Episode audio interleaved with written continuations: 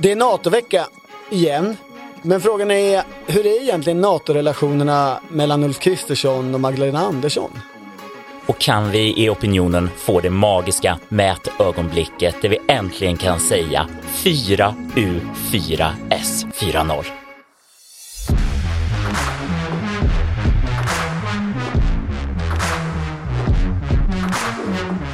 Politiken med Torbjörn Nilsson och Henrik Torehammar.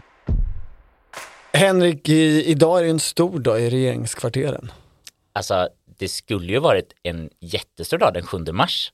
Hur berätt, eh, är det något annat du tänker på kanske? Nej, eller om vi pratar om NATO-processen. Ja, det är, alltså om man pratar med regeringsmänniskor så Ja. är det en stor dag idag i NATO-processen, precis. Ja, jag tänkte på att det för typ en vecka sedan kom uppgifter till SVT att idag den 7 mars skulle Ungern rösta om det svenska medlemskapet. Sen fick de dra tillbaka det och det kom fnurror på tråden. Men det hände mycket med Ungern och Sverige och NATO ändå. Ja, man kan konstatera att dagen är mindre stor än vad den kunde ha varit då. I sådana fall. Eh, Det det är ju i alla fall så att eh, ungrare är här. Den ungerske vice talmannen, tror jag det är. Shaba Hemde, om jag uttalar det rätt. Eh, han är här och besöker Andreas Norlén. Och tror jag han ska snacka med Tobias Billström också.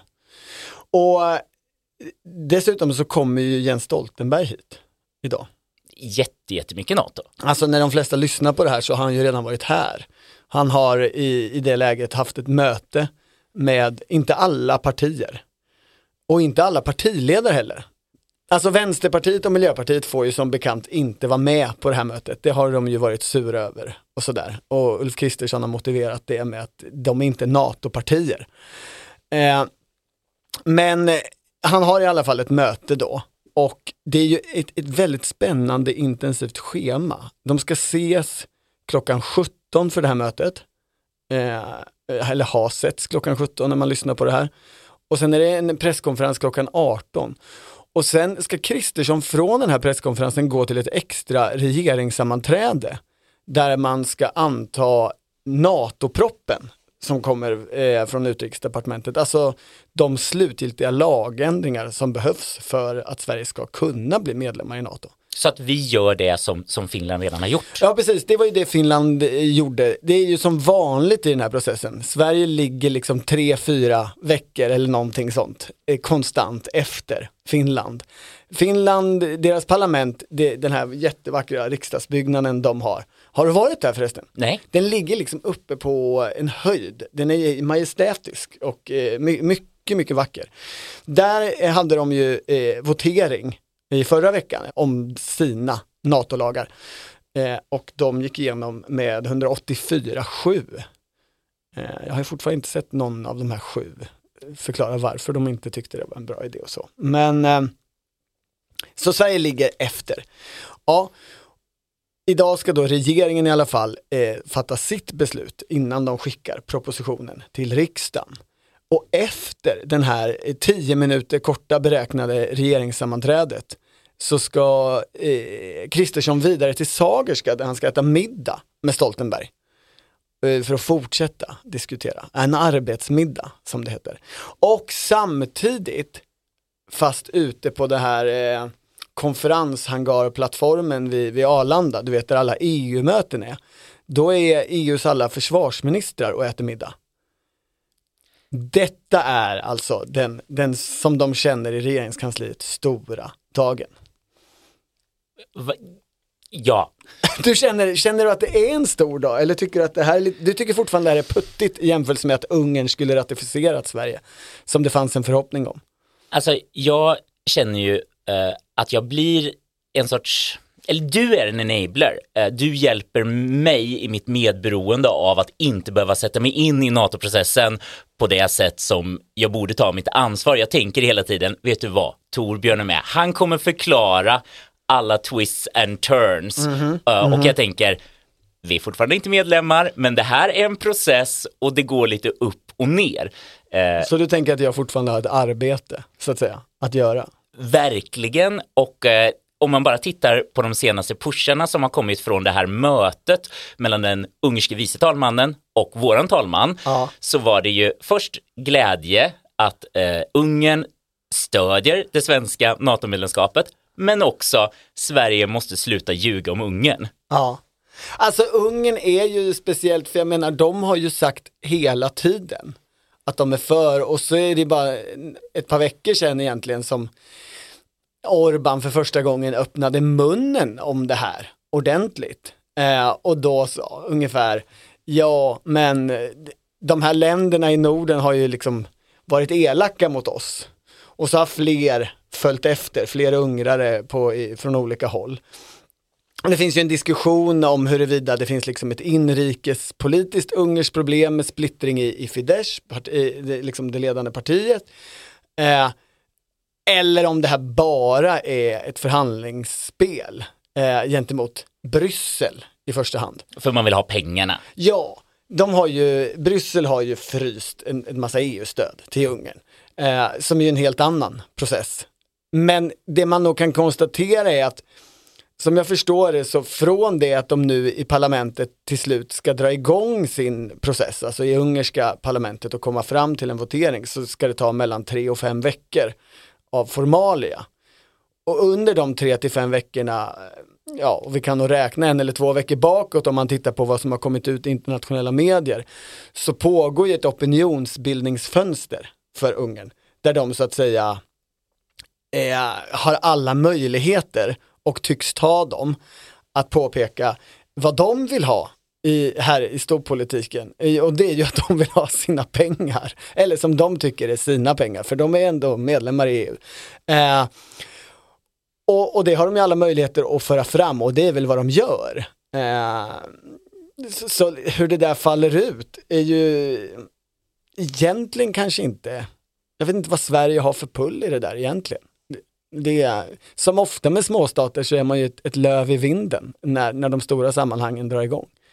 Det är ju spännande att tänka sig att eh, det här som de officiellt då eh, har talat om nu eh, när de har mött lite media, den här vice talmannen om att eh, sluta komma osanningar om, om den ungerska rättsstaten eller eh, hbtq-rättigheter i Ungern. Om, om, det skulle bli någon förändring från svensk position i, i de frågorna när, när det egentligen då landar i liksom en konkret fråga. Vi vill ha massa EU-miljarder som ju är kopplat då till om det är Ungern är en rättsstat eller inte. Eh, men Ja men här finns det ju heller inte som i Turkiet ett memorandum där det står Sverige ska sluta eh, ljuga eller sluta beskylla Ungern för illiberala saker. Eh, eller för att inte bry sig om mänskliga rättigheter eller inte vara demokratiskt eller vad du vill. Eh, utan det är ju fritt, helt fritt för tolkning. Eh, med Turkiet så finns det ju ändå ett memorandum där det finns en del ord eh, som begränsar tolkningsutrymmet, även om det nu har visat sig att det var ganska möjligt för olika parter att tolka det där på olika sätt, att döma av liksom hur det har gått. Eh, men här är det ju alldeles fritt. Men jag vet inte, det, det man faktiskt inte har sett från regeringen är ju en liknande charmoffensiv Alltså med, med Turkiet så, så, var det ju i höstas eh, ändå en skärmoffensiv från svenskt regeringshåll. Det har vi ju inte sett kring Ungern än. Jag tänker det var en, en källa i regeringskansliet som beskrev det som det kommer nog bullra de närmsta veckorna och, och syftade då på Ungern. Eh, så det kommer, det kommer kanske bullra i medialt hänseende. Eh, om det sen händer någonting och hur det händer och vad det beror på är kanske någonting helt annat. Och om vi tar oss tillbaks till det stora problemet igen, Turkiet. Ja, för den riktiga dagen, NATO-dagen den här veckan är väl egentligen inte idag utan det är ju på torsdag. På torsdag ska ju en svensk eh, delegation åka till Bryssel, neutral mark, där man ska möta eh, en, en tur turkisk delegation. Och det här är ju på tjänstemannanivå. Så det är Oskar Stenström, bekant för lyssnarna vid det här laget, som ska åka dit. Och fortfarande lite oklart faktiskt vilka mer som ska åka med. Han brukar ju ha haft en eh, tjänsteman från UD och en tjänsteman från justitiedepartementet med sig i följeslag tidigare. Och det här sågs väl ändå som en, en framgång ifrån att inte ha några möten alls till ändå att ha ett möte mellan Sverige och Turkiet? Ja, Eh, det tycker ju regeringen. Regeringen driver ju hela linjen att eh, dialog är bra. Eh, fortsatt dialog är alltid bra. Det driver ärligt talat nästan alla utrikespolitiska personer i alla svenska partier. Så det är ju inte en, en liksom konstig eller unik ståndpunkt. Den stora frågan här är ju, har den här tekniska pausen som har varit sen Paludan-händelserna egentligen fram till nu då, eh, har den lett till någonting? Har den förändrat positionen? Har den förändrat, eh, Eh, alltså har svensk, har Sveriges regering en ny strategi? Eh, har, eh, ja, och, och det är lite oklart skulle jag säga. För det, det som förändrades, det inrikespolitiska spelfältet var ju inte att, att eh, Socialdemokraterna är oeniga om målet, nej vi ska gå med i NATO, men man varit väldigt öppen för att liksom, låta Morgan Johansson säga det är ju strategin som är fel, ni är inkompetenta, ni säger skärmoffensiv, jag säger att ni, ni är fjäskan, ni fjäskar för Erdogan, ni Ja. liksom är undvikande. Har regeringen lyssnat på Morgan Johansson? Ja men det vet jag inte. Och jag skulle heller inte säga att liksom den där spänningen mellan socialdemokrater och moderater, den har ju heller inte avtagit eh, på något sätt. Det som kan skönjas är ju en diskussion om, kan man, alltså en hel del experter från tankesmedier och liknande har ju varit ute, bland annat hade Dagens Nyheter en rätt intressant artikel på det temat förra veckan. Ja, och där sa ju ganska många tankesmedieaktörer att Sverige måste ge Turkiet en, en vinst, en seger som de kan visa upp inrikespolitiskt. Och det skulle då vara den här terrorlagstiftningen, alltså förbjuda deltagande i terrorlagstiftning och det, för det ska regeringen fatta beslut om på torsdag. Alltså samma dag som Oskar Stenström och kanske några till sitter där nere i Bryssel och så kan de vifta med det där i luften framför Turkiet och säga titta här så duktiga vi har varit. Då måste ju Turkiet vara jättenöjda. Men det där är ju, uppfattar inte jag i alla fall riktigt som en ny strategi. Den här regeringens strategi har ju hela tiden varit att gå Turkiet till mötes i, i, inom ramen för memorandumet. Eh, det är ju så de har pratat ända sedan i somras och det är så de har agerat och motiverat de här eh, högnivåresorna som man gjorde när Kristersson var där och när Billström var där och sådär. Eh, och det är också så man har försvarat sig mot den kritik som har kommit. Att eh, här gäller det ju att visa att man är vän med Turkiet, att vi gör det här gemensamt, att vi också ser skäl till att ha den här terrorlagen. Eh, och att vi struntar i lagrådet som förra veckan kritiserade den jättehårt. Eller underkände den är väl det, det rätta verbet egentligen. Och Så det där är ju mer i linje med som tidigare har varit. Och då är frågan, har den här tekniska pausen överhuvudtaget liksom lett till någonting? Möjligen då att man börjar på tjänstemannanivå tydligare den här gången. Det är ju inte Tobias Billström eller Ulf Kristersson som åker. Och jag tror inte ens att Henrik Landerholm, eh, den nationella säkerhetsrådgivaren, eh, är med. Ja, den som förstod det där kan ju ringa en kompis. Alltså, det, det är ju så här det ser ut alltså. alltså det, det är ju så här det ser ut alltså. Ringa en kompis. Ringa en kompis. Ringa en kompis. Ringa en kompis. Say hello to a new era of mental health care. Cerebral is here to help you achieve your mental wellness goals with professional therapy and medication management support. 100% online. You'll experience the all new Cerebral Way, an innovative approach to mental wellness designed around you. You'll get a personalized treatment plan from a therapist, prescriber, or both in a safe and judgment free space. Your Cerebral therapist or prescriber will outline a customized plan with clear milestones along the way so you can get to feeling your best. With Cerebral, you're not alone in your mental health journey.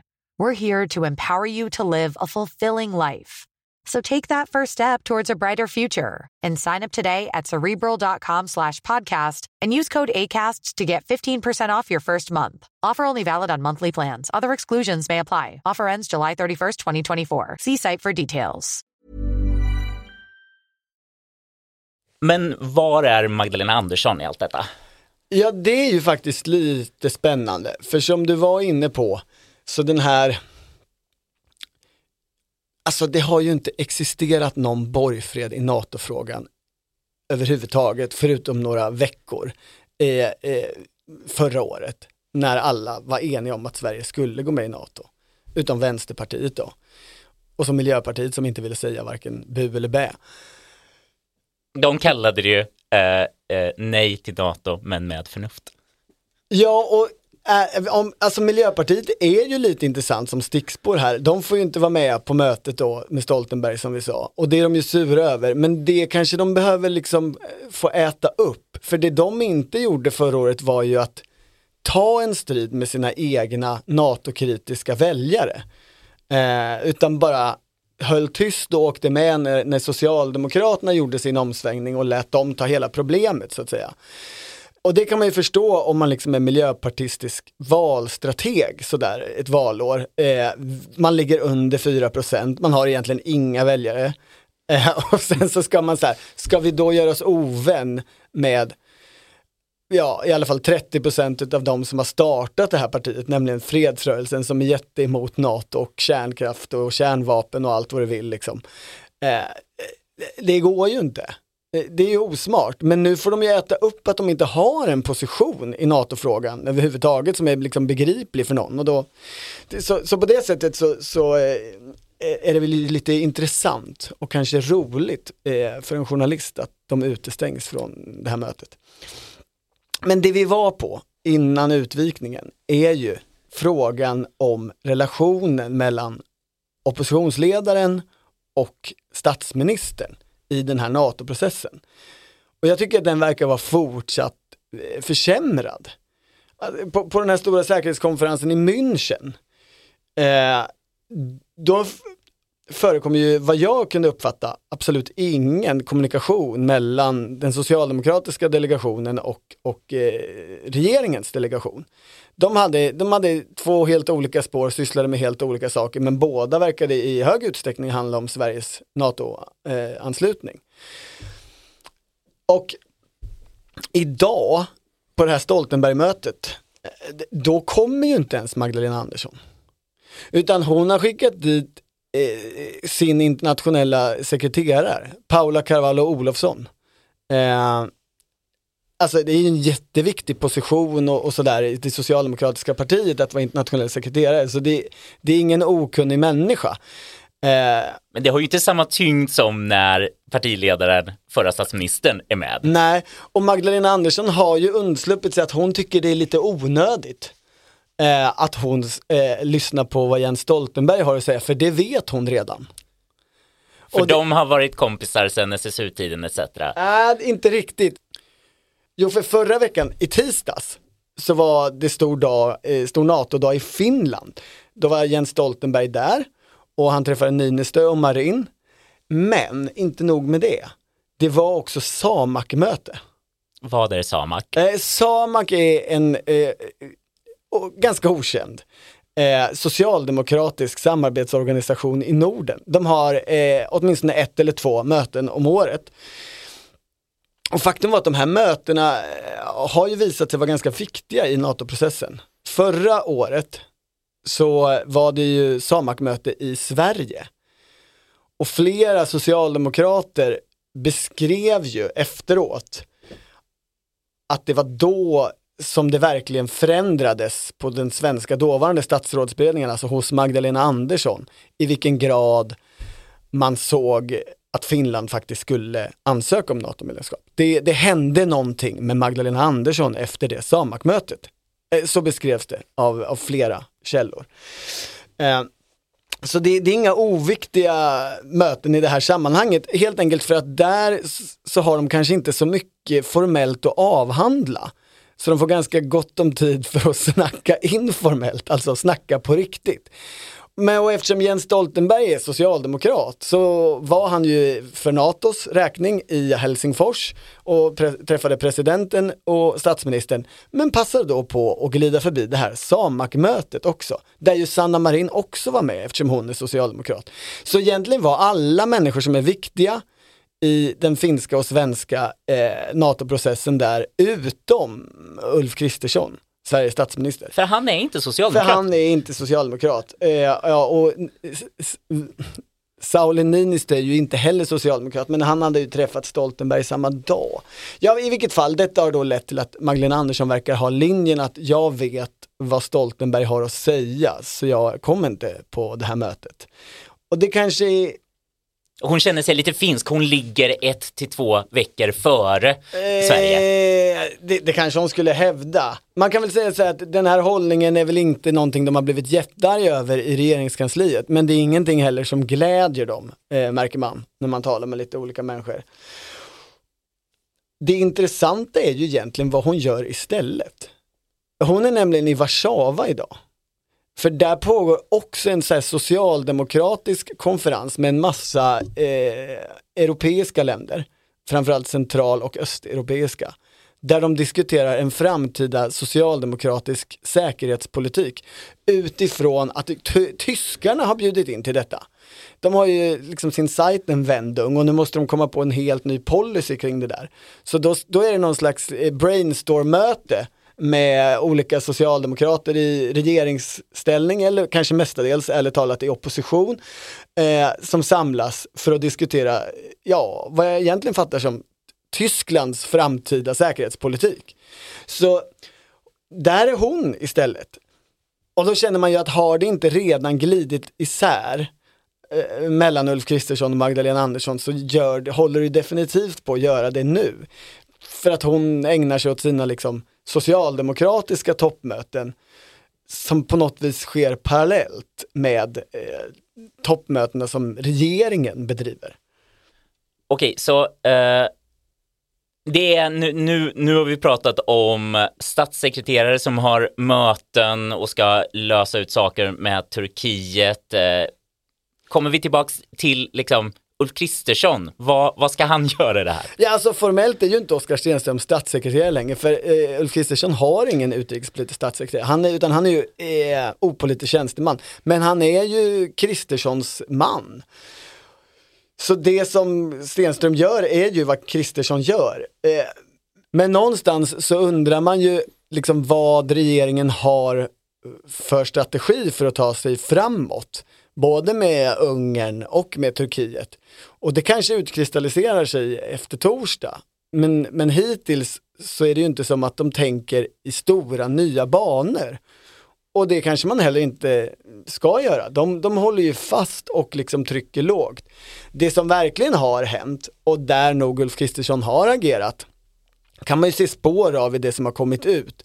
Det är ju att, att hålla igång andra länder och få dem att eh, hålla uppe trycket mot Turkiet. Och där tycker jag ju att, man, att det har intensifierats. Eh, både kring säkerhetskonferensen i München men också efteråt med hur amerikanska aktörer i första hand har liksom ja, låtit höra av sig i alla fall i frågan. Och Blinken, den amerikanska utrikesministern, har ju varit i Turkiet. Så, så här pågår ju liksom en, en, en press. Där man väl måste ge Ulf Kristersson, gissar jag, men det är ju inget som har kommit ut, en del av äran för att ha upprätthållit eller fått igång den här pressen det har ju ändå gått från en situation där liksom också Jens Stoltenberg slängde Sverige un under bussen och sa att ja, ja, Finland får väl gå före. Eller det kan bli så att Finland går före till att det har hållits ihop lite, lite mer och att det har liksom kommit ett, ett internationellt tryck mot Turkiet. Om det sen ger någonting, eh, det är ju högst oklart. Vi får se vad som funkar bäst, om det är Kristersson som använder jänkarna eller det är Magdalena Andersson som använder sina socialdemokratiska kollegor i andra europeiska länder. Han hade inga nyheter. Hur lyckades han prata i en timme? Herregud. Herregud. I förra veckan så kom det en Ipsos opinionsundersökning från Dagens Nyheter med den lockande rubriken, eller den ungefärliga rubriken, tre partier på fel sida 4 spärren. Mm.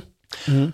Och det här handlade om att det var Miljöpartiet och Liberalerna såklart, mm. men nu också Kristdemokraterna som hamnar under spärren. Fast sen så är det ju då med Ipsos så har ju de den grejen att de de har avskaffat decimalsystemet. Ja, mm. så där blev det ändå inte så att det var tre partier som hamnade på 3% utan det, det, jäm, det avrundades uppåt. Ja. Så mm. Eh, liksom slutsatsen var ändå, lite svårare, men, men i deras konkreta siffror där används fortfarande eh, decimaler. Vi, vi har ju i den här podden pratat extremt lite om eh, hur uselt det går för Kristdemokraterna. Det är ju många pa- småpartier som har det kämpigt nu och på direkten, jag är ju en gillar av tabeller, det är väldigt kul med staplarna, det är någonting, så när jag ser en visuell representation utav hur ser opinionen ut så är det någonting som väcks inom mig. Och det här väckte också min girighet. Att nu när jag tänkte så här, det är väldigt ovanligt med tre stycken eh, partier som ligger under riksdagsspärren i en mätning. Vi, liksom, vanligtvis känns det nästan som att vi, vi vanligtvis fanns det ett parti som var ett krisparti och det var liksom olika. Ibland har det varit Centerpartiet, ibland har det Ah, varit Miljöpartiet. det, det, har, det har känts som att det ska vara ett i taget. Ja, Annars får journalisterna för mycket att göra tycker du. ja, men nu så Du, blir... du vill se det som en arbetsmiljöfråga. Alltså nu blir jag mer sugen på, okej, men då får vi vrida upp det här och jag väntar på att den magiska mätdrömmen ska inträffa 4 U4 och kanske S40. Du menar att, att fyra partier skulle ligga under 4% spärren och att Socialdemokraterna skulle ha 40%? Ja, för det här, Du, du, du, är, du är medveten om att allt det här har hänt, fast för ganska länge sedan då i vanlig ordning. Men det här är en, det skulle ju vara en återgång till, jag vet inte, 60-talssituationen eller 70-talssituationen. där kan vi vara inne på precis. Eller ja, ända fram till att det är liksom Miljöpartiet och Kristdemokraterna överhuvudtaget kom in i riksdagen.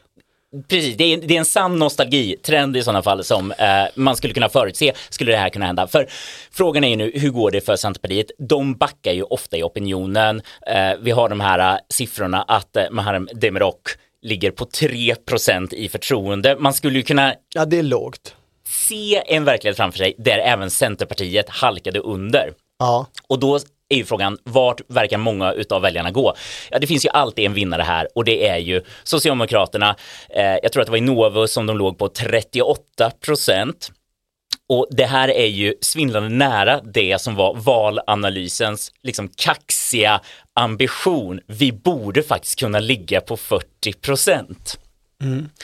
Och samtidigt så kom det idag nya siffror från Mediaakademins förtroendebarometer och det blev ju rubriken Kaos siffror för regeringen. Regeringens förtroende har sjunkit extremt mycket.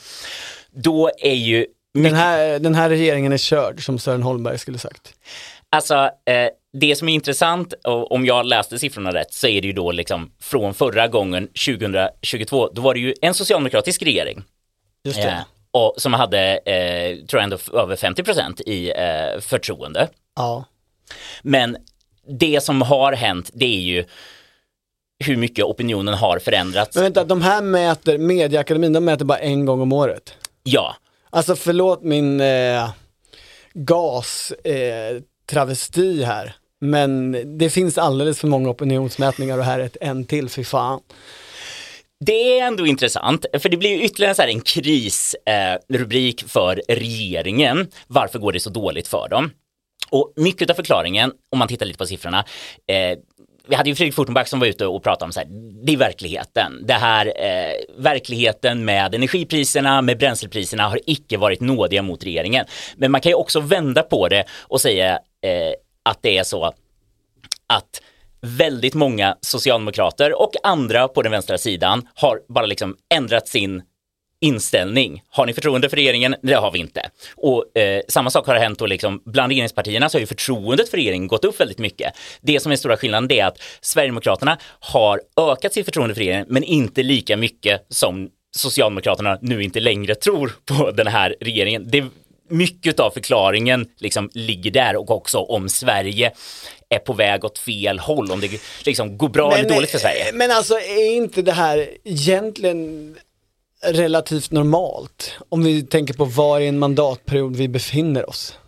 Även om jag förstår Ja. att du ville åt det här fyra partier under 4%, Socialdemokraterna på 40, för att det skulle liksom vara något unikt eller, eller kännas som eh, 70-tal på något sätt. Eh, det, det går ju ofta dåligt för många partier i början av en mandatperiod som sen liksom när det, ja, när det är fyra veckor kvar till val så skrapar de ihop till sina 4%. Det, det är en av få saker som verkar vara en konstant med den svenska väljarkåren. Att man absolut vill ha så många partier som möjligt i riksdagen. Om man tittar trendmässigt de senaste 50 åren. Det, ju, det blir ju inte färre Nej, partier. så att, Liksom. ä- även om vi skulle Så kunna... har det någon betydelse? Nej, Detta? det är väl det så här. Vad, vad är betydelsen? Förutom att det blir kanske lite mer krisiga utspel från små partier om, Sant. om det här magiska skulle hända. Eh, och att förändringsprocessen eller trycket på de styrande Socialdemokraterna skulle bli väldigt lågt om man ligger och touchar på Ja, liksom, när var man senast över 40? Det är man inte än, men då är vi liksom på Mona Salins oppositionstid. Då, Det gick ju ganska bra för Löfven i början också. Minns du det här året när han bara var tyst? Eh, alltså han var tyst ett helt år. Alltså är- han var ju ofta tyst, Stefan Löfven. Han är, Ja. han är en tyst personlighet.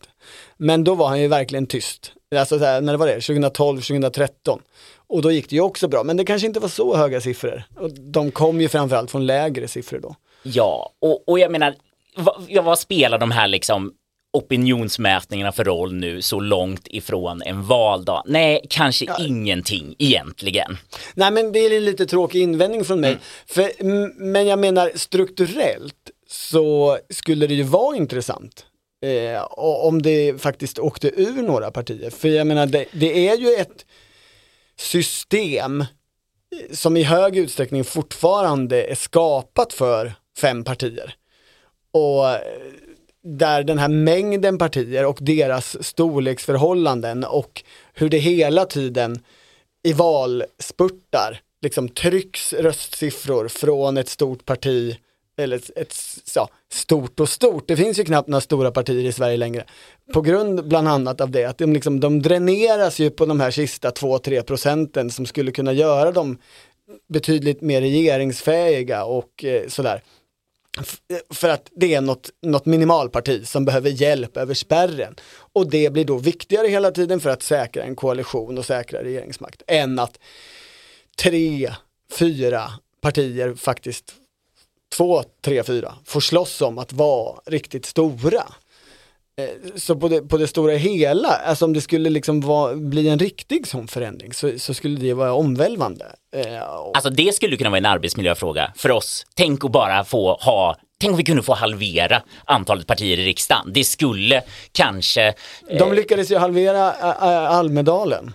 Ja, Det- gick jätteenkelt. Tänk Så- om det här skulle gå lika enkelt. Precis, sen kanske vi får vara pyttelite ödmjuka och säga att ja, ni väljare kanske får ha någonting eh, med det hela att säga. Ni verkar ju oftast gilla att vi ska ha det antalet partier som man har i en mandatperiod. Då, det är liksom, då, då kommer all, alla kommer in hela tiden. Det är ändå så här grundförutsättningen. Denna del innehåller sött och salt. Sött och salt. Sött och salt.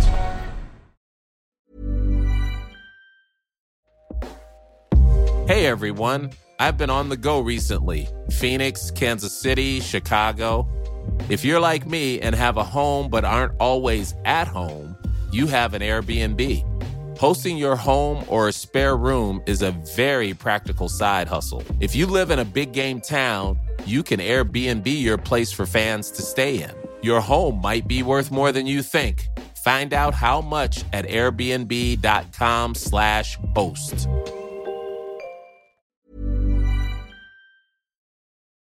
Sen är det ju med Socialdemokraterna och det här att det börjar ticka uppåt mot 40-strecket. Alltså det är en bit kvar, nummer ett. Det är en bra bit kvar. Och det är ju en klassisk glosa som måste sägas här är ju att det är luft. Mm.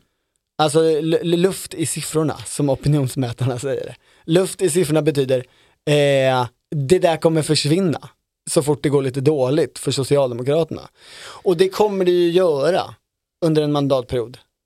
Det kommer, jag. det kommer göra, men låt oss undersöka argumenten för att Socialdemokraterna har förtjänat dessa siffror. Eh, förtjänat det i betydelsen av att Du är Magdalena Anderssons advokat här nu, Ja, eller? och de har varit eh, disciplinerade på, på flera sätt. De har ju verkligen, om vi nu köper att det är bränsle och energipriser som eh, folk bryr sig om allra mest så har de liksom ett klart svar där att eh, den här regeringen har inte levererat på löftena. Eh, de utställde löften som de visste att de inte kunde genomföra. Nu kommer verkligheten och biter dem i la röva helt enkelt. Okej.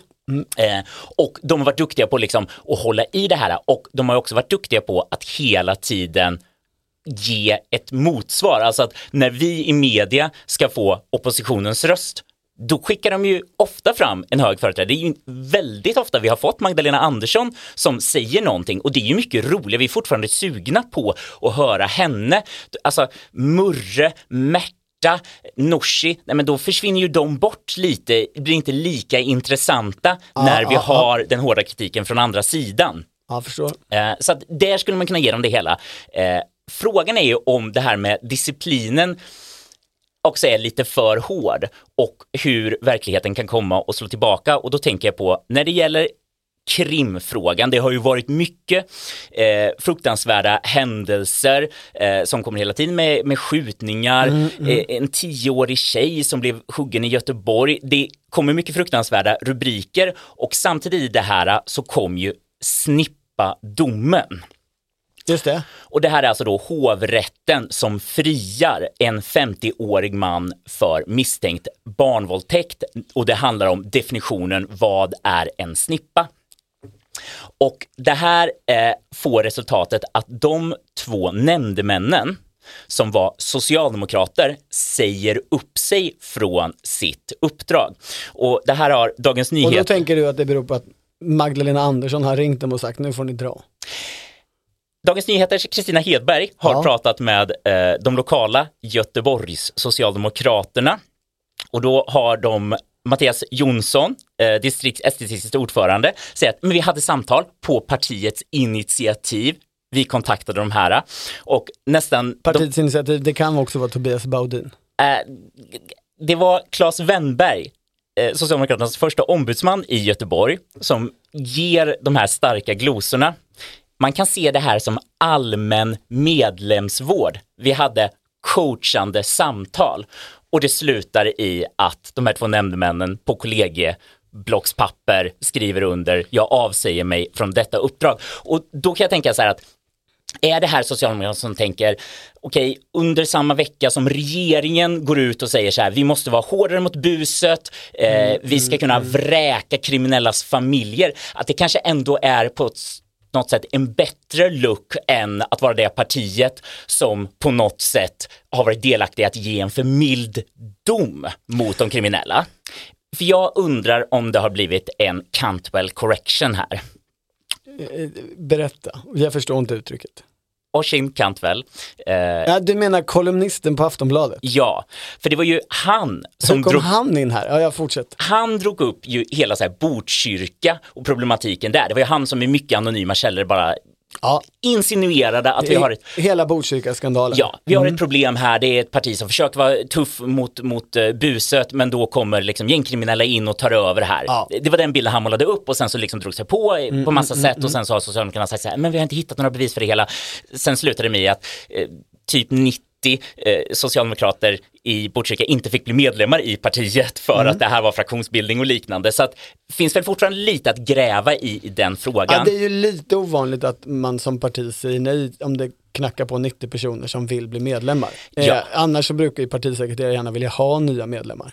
Generellt alltså. Och vem var det som tog upp hela snippadomen? Jo, det var ju Orsvin Kantvel som var där och läste domslutet och förklarade det här var det galnaste jag någonsin har läst. Så, så nu är din linje att det är en, en Aftonbladet-kolumnist som är det stora hotet mot att Socialdemokraterna når över 40% eller når till 40%. Ja, för frågan är då om man går så hårt eh, åt så att man får nämndemän att säga upp sig för att det är inte det man vill associeras med att vara snäll mot potentiella pedofiler i partiet, eh, så blev det också svaret då även från Orsin Cantwell att nej men herregud, det här är ju ännu värre att partier då tar bort, tvingar bort och påverkar eh, domstolarna, rättsväsendet på det här sättet, då är vi ju Ungern. Även Thomas Bodström, för detta justitieministern, socialdemokraten, var ute i vår tidning eh, och sa att det här är ju precis samma sak som i Ungern i Polen, där vi säger att eh, partierna är inne i rättsväsendet.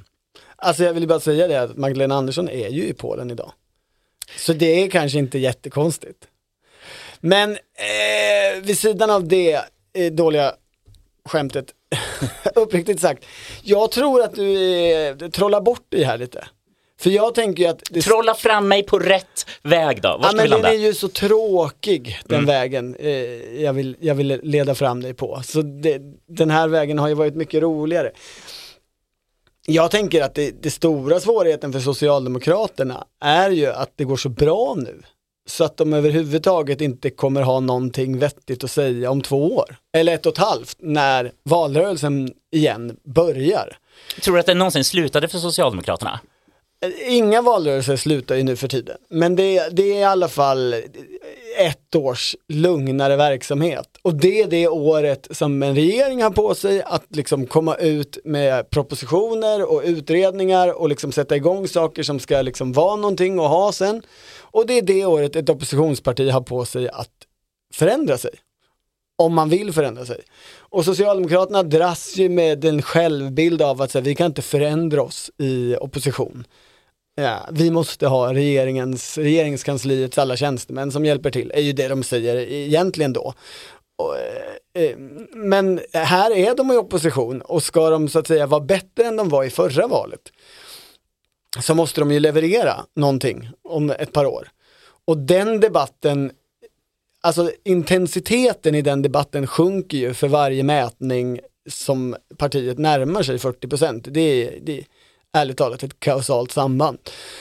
Eh, så svårigheten på riktigt är ju inte om man har för hög disciplin, utan var man liksom lägger energin. Om man nu har hög disciplin, var lägger man energin i, i arbetet i partiet? Och hittills så verkar det inte hända särskilt mycket liksom policyutveckling i det där partiet. Och om vi ska lägga till två utmaningar till då. Det är ju återigen tillbaks till den här medieakademins förtroendebarometer så tittar man på hur många som definierar sig som vänster och höger. Och där ser vi fortfarande ett glapp.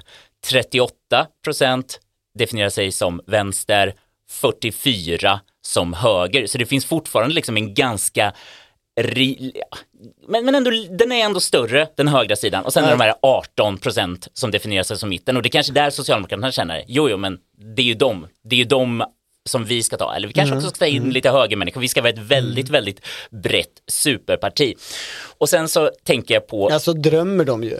Om det är, har någon slags realism i sig, det är ju en annan sak. Ja. Ja. Och sen så är ju frågan då om vinner man den ideologiska kampen och när ekonomin är uppe på dagordningen så visst kan ju finnas en sån här lite enkel, nästan så här amerikaniserad tanke om att nej men folk får mindre i plånböckerna. Vem skyller man på? Jo, den sittande regeringen, man blir förbannad. Men vinner man verkligen kampen om de, de ekonomiska teorierna? För fortfarande igen, alltså tänk den här känslan efter pandemin när plötsligt så här, man tänker så här, nej men vi kanske kan tänka om den här äh, nyliberala hegemonin kan utmanas, vi kan vara frikostigare med statens pengar, vi ska ta ett större ansvar och vi måste ju ha beredskapslager. Det finns ju mycket som talar för en socialdemokratisk perspektiv på världen. Och sen så när inflationen kom tillbaka och rätt eller fel så, så blev det ju ändå någon sorts övervikt tänker jag för eh, det här lite 70-talets eh, högertankar om att ni har kastat ut för mycket pengar i systemet, det här är det grundläggande, nu kom den här inflationen som vi alltid har varnat för, så nu gäller det att knipa igen och vara strama. Och vad är det egentligen som återstår utav liksom vänsterargumenten kring ekonomin som verkar vara starka just nu. Det kanske är då i sådana fall Elisabeth Svantesson som nu också börjar varna för det där som Torbjörn Hallå, Hollö, Eh, LO-ekonomen, Holle. Ja, Hollö brukar säga. ICA-flationen som han försöker lansera som ett sorts nyord. Det, Ja, här, det är eh, handlarna, ja, det är handlarna som drar upp det, det är de giriga företagen. Hon var ute och sa så här att, vet ni vad, svenska folket, ni måste ta ett ansvar. Ni måste köpa billigare saker. Ni får inte låta företagen komma undan med detta. Alltså det intressanta i den där frågan är väl att båda stora partierna duckar så mycket det går. Alltså i den i inflationsfrågan och i den ekonomiska utvecklingen.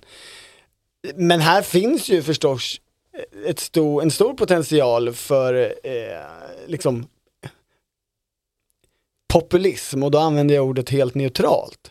Man ska elda upp rika ICA-handlares villor. nej men här kommer det ju finnas en väldig massa människor som tycker att det går väldigt mycket sämre. Eh, och att livet blir väldigt mycket tråkigare. De blir fattigare. Det kostar för mycket att handla, det kostar för mycket att betala lånen, det, allt kostar. Eh, där finns ju förstås en potential, ett missnöje, en besvikelse. Vilket parti klarar av att kanalisera det missnöjet? Just nu så är det ju ingen som liksom riktigt vill göra det för att, eh, att driva den, den policyn är svårt. Men här finns ju historiska exempel. Eh, känner du till Skärholmenfruarna? Nej. Nej, 1972, eh, i, i 70-talets elände, så eh, samlades ju en protestgrupp i Skärholmen, mestadels kvinnor, av, av det namnet fick de så småningom Skärholmenfruarna, och protesterade just mot höga matpriser. Det har blivit allt svårare att få lönen för en genomsnittsfamilj i Sverige att räcka till. I tidningar har det plötsligt blivit populärt med recept på fattigmanskost. Snart får vi veta hur man bakar barkbröd också. Tror ni att politikerna kommer att påverkas nu av det här? Ja, det vore väl skam annars. och lyckades driva fram från regeringen, alltså att, att regeringen gick in och prisreglerade, satte prisstopp. Men det var ju en helt annan politisk tid när så att säga man fort, det, var, det, det hade bara gått ett decennium sedan, de, sedan det var stora valrörelser om liksom margarinaccisen och eh, ja, politiken hade ett mycket större närvaro i reglering och i prissättning av saker. Vi hade liksom inte släppt eh, marknaden fri i lika hög utsträckning. Så det är någonting annat i, idag vad man har för politiska verktyg. Men historien där visar ju ändå på att det finns ett, ett utrymme för den som politiskt liksom vågar eller vill ta på sig den ganska stora hatten och säga jag kan kanalisera det här missnöjet och ha förslag som faktiskt leder till att de blir mer nöjda. Och vilket parti är det som vill sänka matmomsen? Miljöpartiet.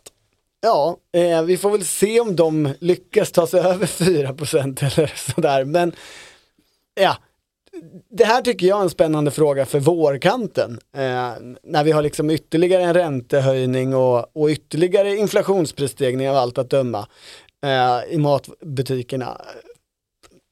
Frågan ligger ju där, men ingen av de stora aktörerna har ju än så länge vågat ta den. Får se när krisen kommer på riktigt. Vilka blir då vinnare och förlorare i opinionen?